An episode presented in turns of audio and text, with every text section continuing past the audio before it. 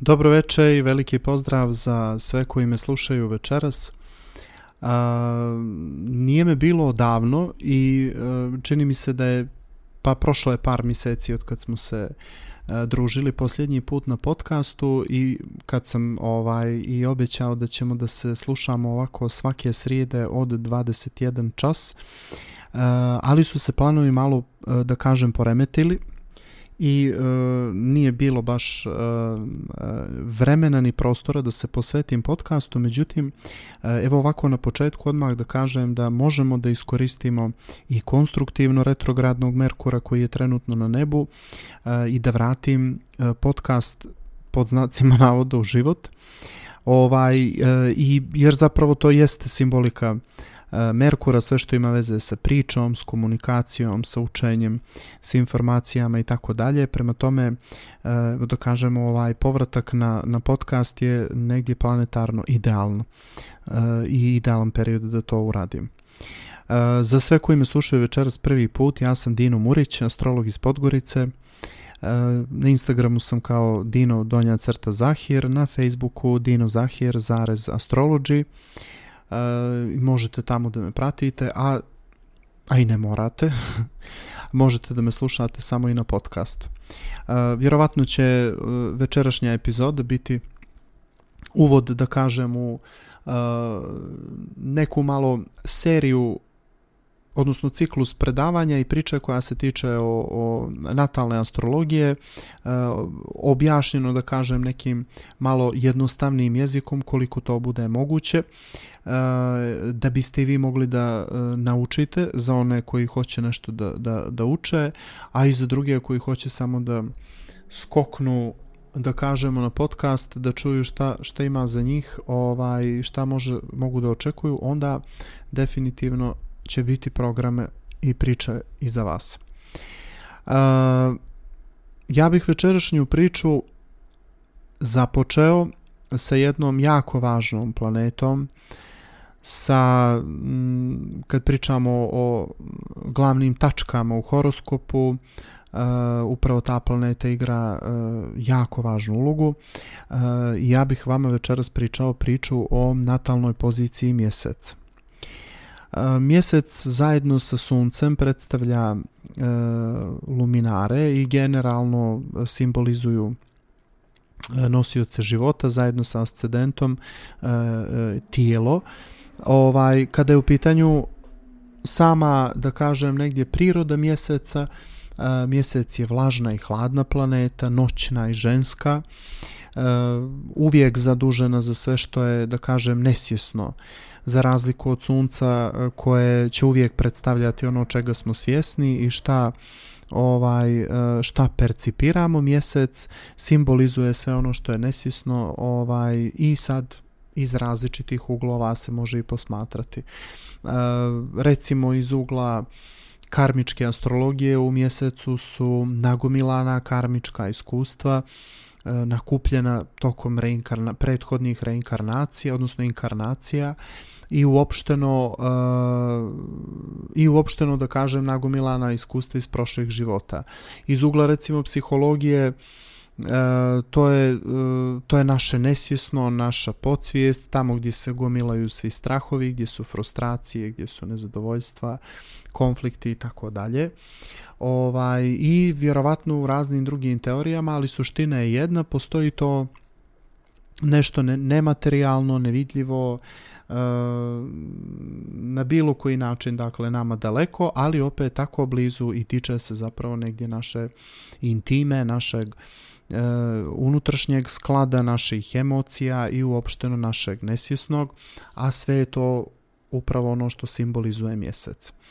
E, mjesec vlada periodom od rođenja do četvrte godine života i upravo negdje u tom periodu e, mi jesmo taj mjesec, mi smo potpuno ovaj i nesvjesni generalno prvi put spoznajemo život, odnosno spoznajemo svijet. Potrebno nam je u tom trenutku majka i generalno znate da majke e, odnosno da mjesec simbolizuje majku. Tako da ovaj tu negdje do četvrte godine mi zapravo počinjemo da e, živimo odnosno generalno taj, e, taj mjesec nama nas u, u, uspavljuje i generalno nam daje taj osjećaj zaštite, osjećaj doma, osjećaj uopšte pripadanja i sve ono što će se naravno i kasnije manifestovati u životu. Samo kroz razvojni proces na, na jedan drugačiji način.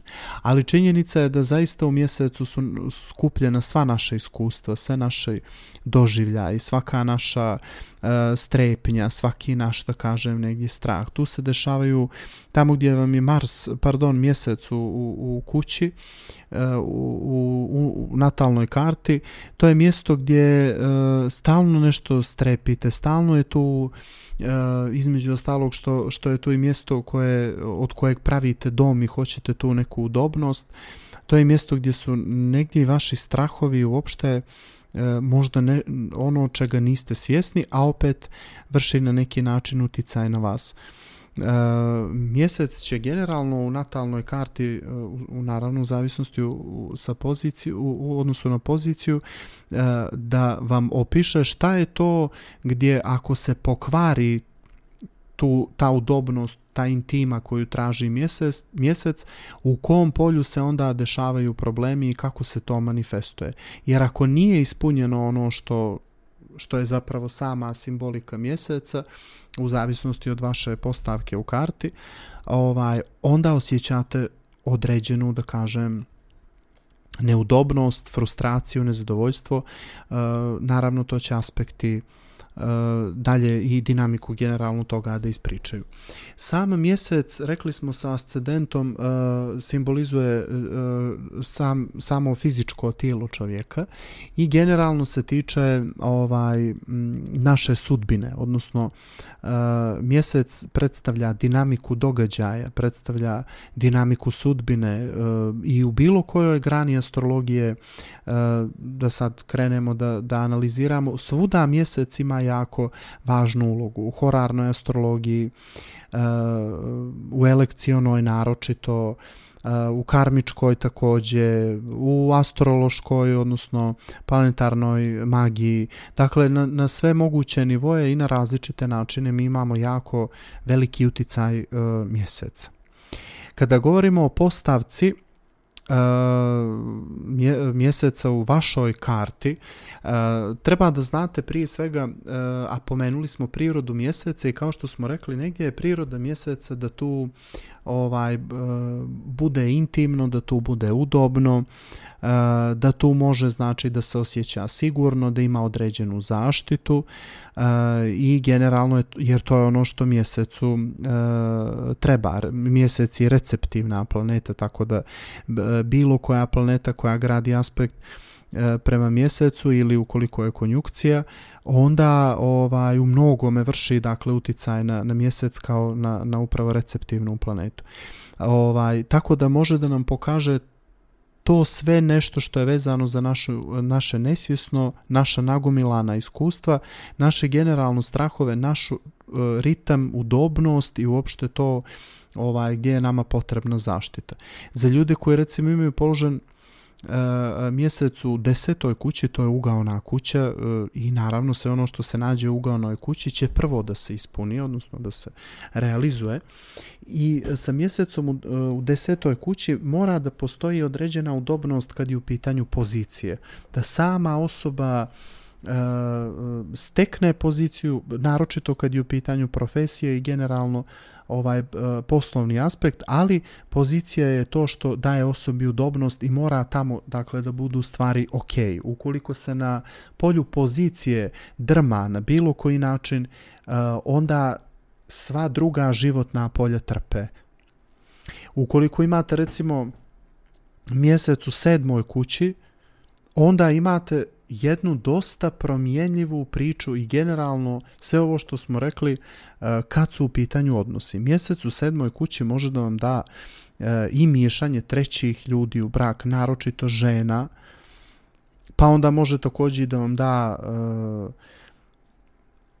tu udobnost i tu intimu koju imate i želite sa partnerom, pa ako to nije kako treba, odnosno ukoliko se tu dešava neki nesklad, onda ovaj onda sva druga polja trpe. Znači, ako se tu dešava problem i ako je tu vezan uh, uh, strah za partnera, odnosno ukoliko se tu nešto remeti, onda je i sama harmonija uh, narušena i osoba ne može da, dok se taj balans ne povrati, ne može dalje da, da, da ispravno negdje funkcioniše. Kad je u pitanju mjesec u četvrtoj kući, to vrlo vjerovatno imate svi vi koji imate jako veliki problem s tim da kažete šta osjećate, da, da više konačno iznesete to to da kažem to, toliko more nesvjesnog koje pliva e, i koje samo ono čeka da izbije nagomilanog da kažem. Ovaj ali sve što ima veze sa domom, sa porodicom, sa kućom, naravno sa nekretninama, sa uh, uopšte uh, recimo ocem, pitanjima oca, ukoliko te stvari, odnosno ukoliko se tu dešava ovaj neki nesklad, ukoliko tu postoji neka neudobnost, onda se i druga polja remete, odnosno drugi druga životna polja trpe. Vidjet ćete da sa mjesecom u četvrtoj kući imate strah koji nosite vezano za, za članove porodice. E, mjesec u četvrtoj kući može često i da opiše majku koja je zamijenila oca iz nekog razloga, ali u svakom slučaju e, daje dosta, dosta onako strašljivu poziciju kad su pitanja porodice aktuelne. Kada je u pitanju mjesec u prvoj kući također ugaonoj, e, tu se stvari e, tiču nekako vaših emocija sa kojima ste suočeni i koje ne možete da sakrijete. Sa mjesecom u sedmoj kući, pardon, vama se vidi svaka emocija na licu, koliko god da to pokušavate da sakrijete, jednostavno to je jako teško. Ovo se naročito odnosi za vas koji ste ascedentalni lavovi, ili generalno uh, vatreni znak, pa se i mjesec nađe u prvoj kući u, u, u tom znaku, onda, onda se prosto teško da se može sakriti bilo šta što ima veze ovaj sa emocijama. Stanje tog mjeseca je jako važno naravno ovaj i za fizičko tijelo. Uh, na tu se naravno i u, u analizi pitanja zdravlja i tako dalje. E, kada je u pitanju e, pozicije mjeseca e, u drugoj kući, vidjet ćete da sfera koja je, da kažemo, promjenljiva, gdje se dešavaju u određenim ciklusima i periodima promjene i uopšte gdje vi naravno osjećate strah, to je polje para, polje novca. I sve što je vezano dakle za materijalno dobro i sve što je vezano za pokretne stvari bilo koje vrste. Ja e, sa mjesecom u drugoj kući najčešće imam e, susret sa ljudima koji imaju više izvora prihoda, gdje se recimo dešava ovaj e, konstantna promjena kad je u pitanju zarada ili recimo kad je u pitanju bilo kakav prihod ovaj ili da osoba često ovaj e, može biti povezano i sa čestim promjenama posla s obzirom da se negdje mijenja i zarada, ali moraju podržavati dakle 10 e, i 6 kao polja koja vezujemo za polje e, profesije. Ali u svakom slučaju je dosta, e, e, dosta toga straha i te potrebe za udobnost je vezano za materijalno. Sa mjesecom u drugoj kući ukoliko je taj e, materijalni finansijski aspekt malo narušen, onda negdje trpi Dakle, trpi i ostatak karte, odnosno ostatak životnih polja i sama osoba osjeća nezadovoljstvo. Sa mjesecom, recimo, u trećoj kući već imate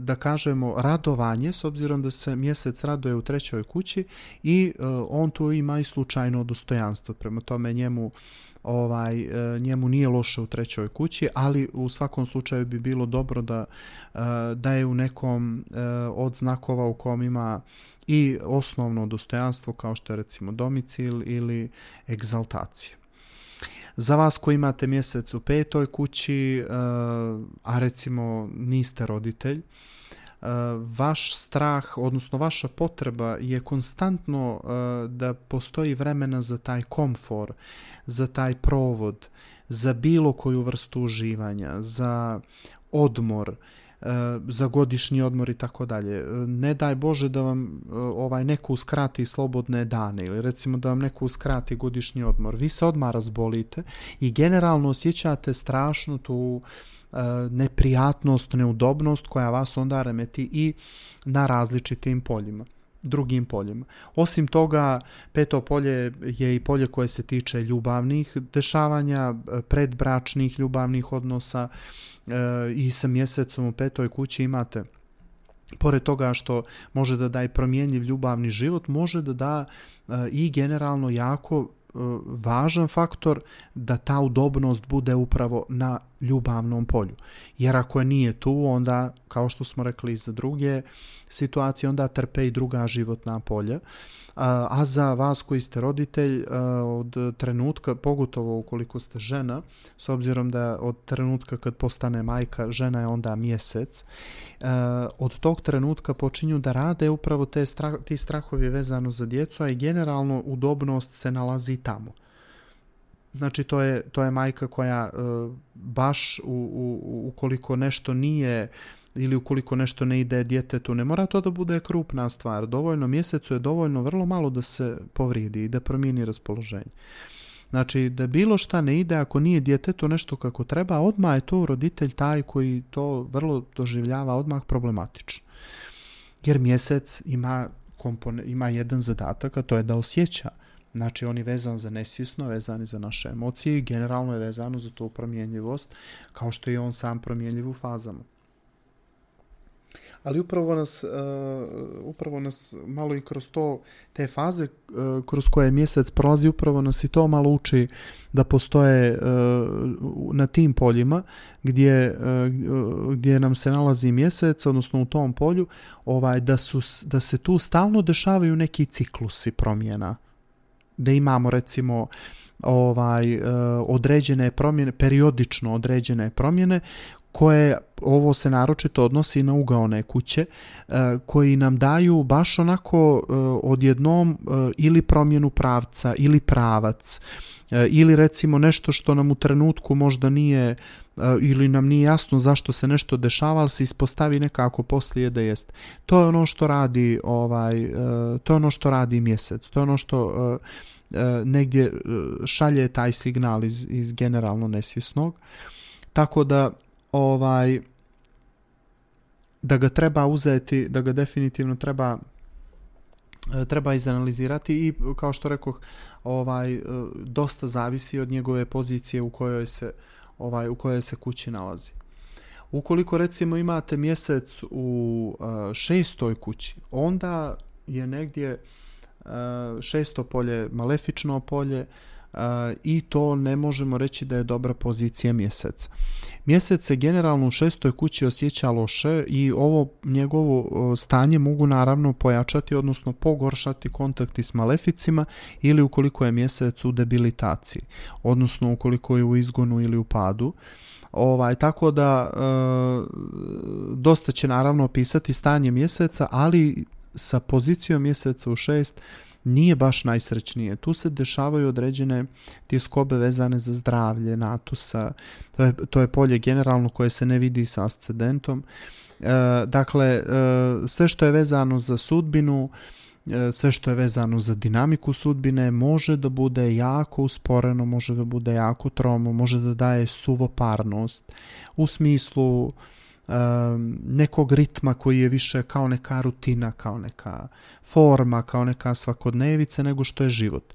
I generalno može da da promjenjivo promjenjivo zdravlje, opet rekoh u zavisnosti naravno od pozicije u kojem se nalazi, opisat će i dalje priču, ali jeste tematika zdravlja i uopšteno sve što ima veze sa, sa tim, pogotovo nasljednim bolestima, tiče se upravo e, mjeseca u šestoj kući. Ukoliko imate mjesec u osmoj kući, e, e onda je to e, jedan pokazatelj dosta izraženih strahova. I ljudi sa mjesecom u osmoj kući imaju problem da to iskontrolišu, imaju problem da se nose sa tim, to im je jako, to je izraženo još od najranijih godina i generalno najranijih perioda. Ovaj, tu se periodično javljaju, javlja i strah od smrti, ali generalno dosta, dosta ezoterika, okultista, e, pa i astrologa imaju ta, tu poziciju mjeseca u osmoj kući, iako ovaj, mnogo je bolje da imate ovaj dobar Merkur i uopšte kombinacije koje ima veze sa znakom, sa Jupiterom i, i visokim znanjima e, ili eventualno e, odličnu poziciju mjeseca. Ali u svakom slučaju sa mjesecom u osmoj kući nije baš nije baš najbolje. To je ono što odnosno strahovi su ono što muči, muči tu osobu. E, ovo može između ostalog da vam donese i određenu priču oko nasljedstva, odnosno generalno tuđih dobara. E, može da vam e, recimo donese nasljedstvo koje ima veze pardon, sa porodicom, odnosno porodično nasljeđe. Može biti i nasljedstvo koje ima veze sa mužem ili sa ženom. Ovaj, jedan je naravno od e, loših pokazatelja e, za brak i generalno za, za ovaj ženu osobe ukoliko je u pitanju muški horoskop, e, ali opet kažem treba dobro prosuditi samu poziciju mjeseca. Ukoliko se mjesec nalazi u devetoj kući, onda to negdje, da kažem, simbolizuje putovanje duše, odnosno generalno jednu, jednu da kažemo filozofski nastrojenu dušu, jednu osobu gladnu znanja, odnosno generalno nekoga ko ima mm, jako, jako izraženu tu potrebu da se ostvari, odnosno da ta udobnost postoji u konstantnom učenju, konstantnom uh, saz, uh, da i sazrivanju, ali i generalno tom spoznajnom. to, to, to mu je jako važno. E, isto odnos koji ima veze, odnosno odnos prema religiji sa mjesecom u, u devetoj kući to može da bude posebno izraženo, da pripadate recimo nekoj, e, nekom kultu ili recimo nekom e, odnosno monoteističkoj religiji koju i ovaj praktikujete, e, tako da može donijeti i povezanost sa tim, ali i promjene koje se tiču ovaj e, studira odnosno e, perioda studiranja uopšte obrazovanja visokog obrazovanja e, sve za sve u zavisnosti od toga u kakvo je kakvom je stanju mjesec kada je u pitanju mjesec u 11. kući onda imamo imamo jedan jedan dosta društven jedan dosta socijalan život, jednu prilično izraženu dinamiku kada je naše okruženje u pitanju ljudi, prijatelji, uopšteno polje koje je jako promjenljivo kad su, kad su u pitanju ti odnosi sa prijateljima, ali i konstantno okomešanje nekih ljudi oko nas. Može simbolizovati i svaku vrstu humanitarnog rada, koja nas prosto ispunjava i generalno potrebu da se stalno negdje udružujemo, da smo stalno u nekim organizacijama, udruženjima i tako dalje. Sa mjesecom u 11. kući vi ste baš uh, onako entuzijastični i to sam primijetio. To su ljudi koji imaju nadu, imaju negdje uh, taj, um, da kažem, taj, taj poriv onako za optimizmom da to bude sve kako treba. I uopšte za tim humanitarnim uh, aspektima. Evo, ovo je bio moj pas, izvinjavam se na uh, kratkom prekidu. Uh, dakle, sa mjesecom u 11. kući stalno je negdje da kažemo vezano, taj promjenjivi aspekt vezan za prijatelji i okruženje, ali i daje, kao što rekoh, E, jako izražen entuzijazam.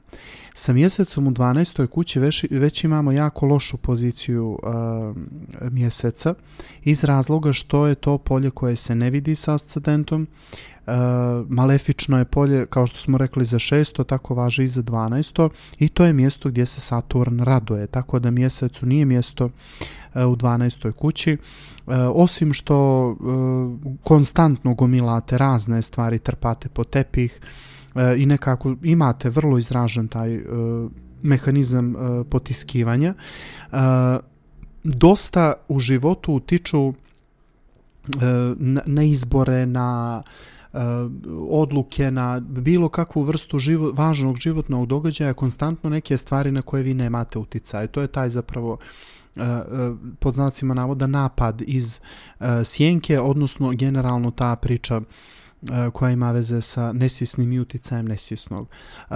Dosta vas kad udari neki tranzit recimo na taj mjesec, primjera radi ljudi koji imaju mjesec u 12. kući trenutno su u tim sade satima, odnosno Saturn ide preko mjeseca, to, u tim trenucima kreće taj nagomilani sadržaj da prosto izlazi iz ljudi, da se čiste, da onako taj nakupljeni sadržaj se konstantno odnosno da se konačno ovaj otpusti.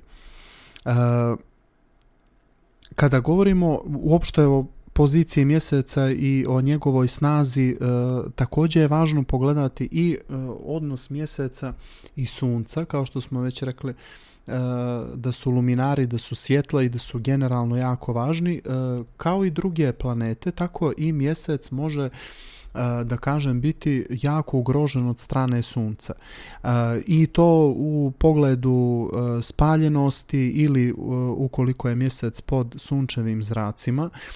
Tako da i naravno sad su i finese ukoliko aplicira ili izlazi iz spaljenosti i sunčevih zraka onda je situacija bolja ali o tome bismo mogli da pričamo neki drugi put ali u svakom slučaju pozicija mjeseca i odnos sa suncem je također važan, tako da ukoliko je u konjukciji, za vas koji ne znate, ukoliko postoji konjukcija sunce i mjeseca u natalu osobe, onda ste rođeni na mlad mjesec, a ukoliko e, imate opoziciju sunca i mjeseca, onda ste rođeni na pun mjesec.